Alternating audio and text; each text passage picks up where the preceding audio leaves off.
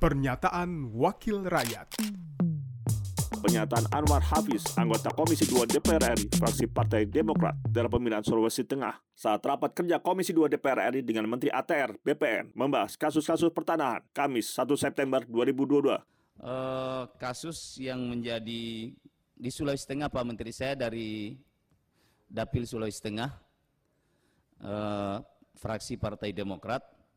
Yang pertama kasus tumpang tindih kepemilihan masyarakat dengan perkebunan di Kabupaten Banggai. Saya meninjau langsung di masyarakat, saya lihat betul bahwa sawah-sawah masyarakat itu masih diolah Pak Menteri, tapi masuk dalam HGU.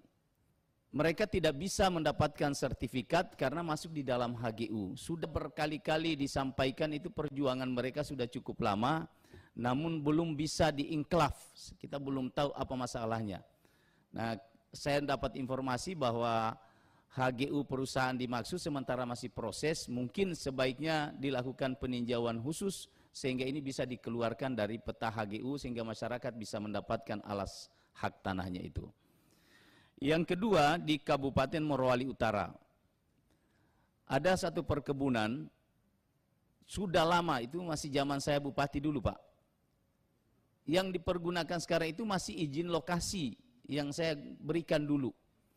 Itu sudah berapa puluh tahun, kurang lebih sekitar 12 tahun yang lalu.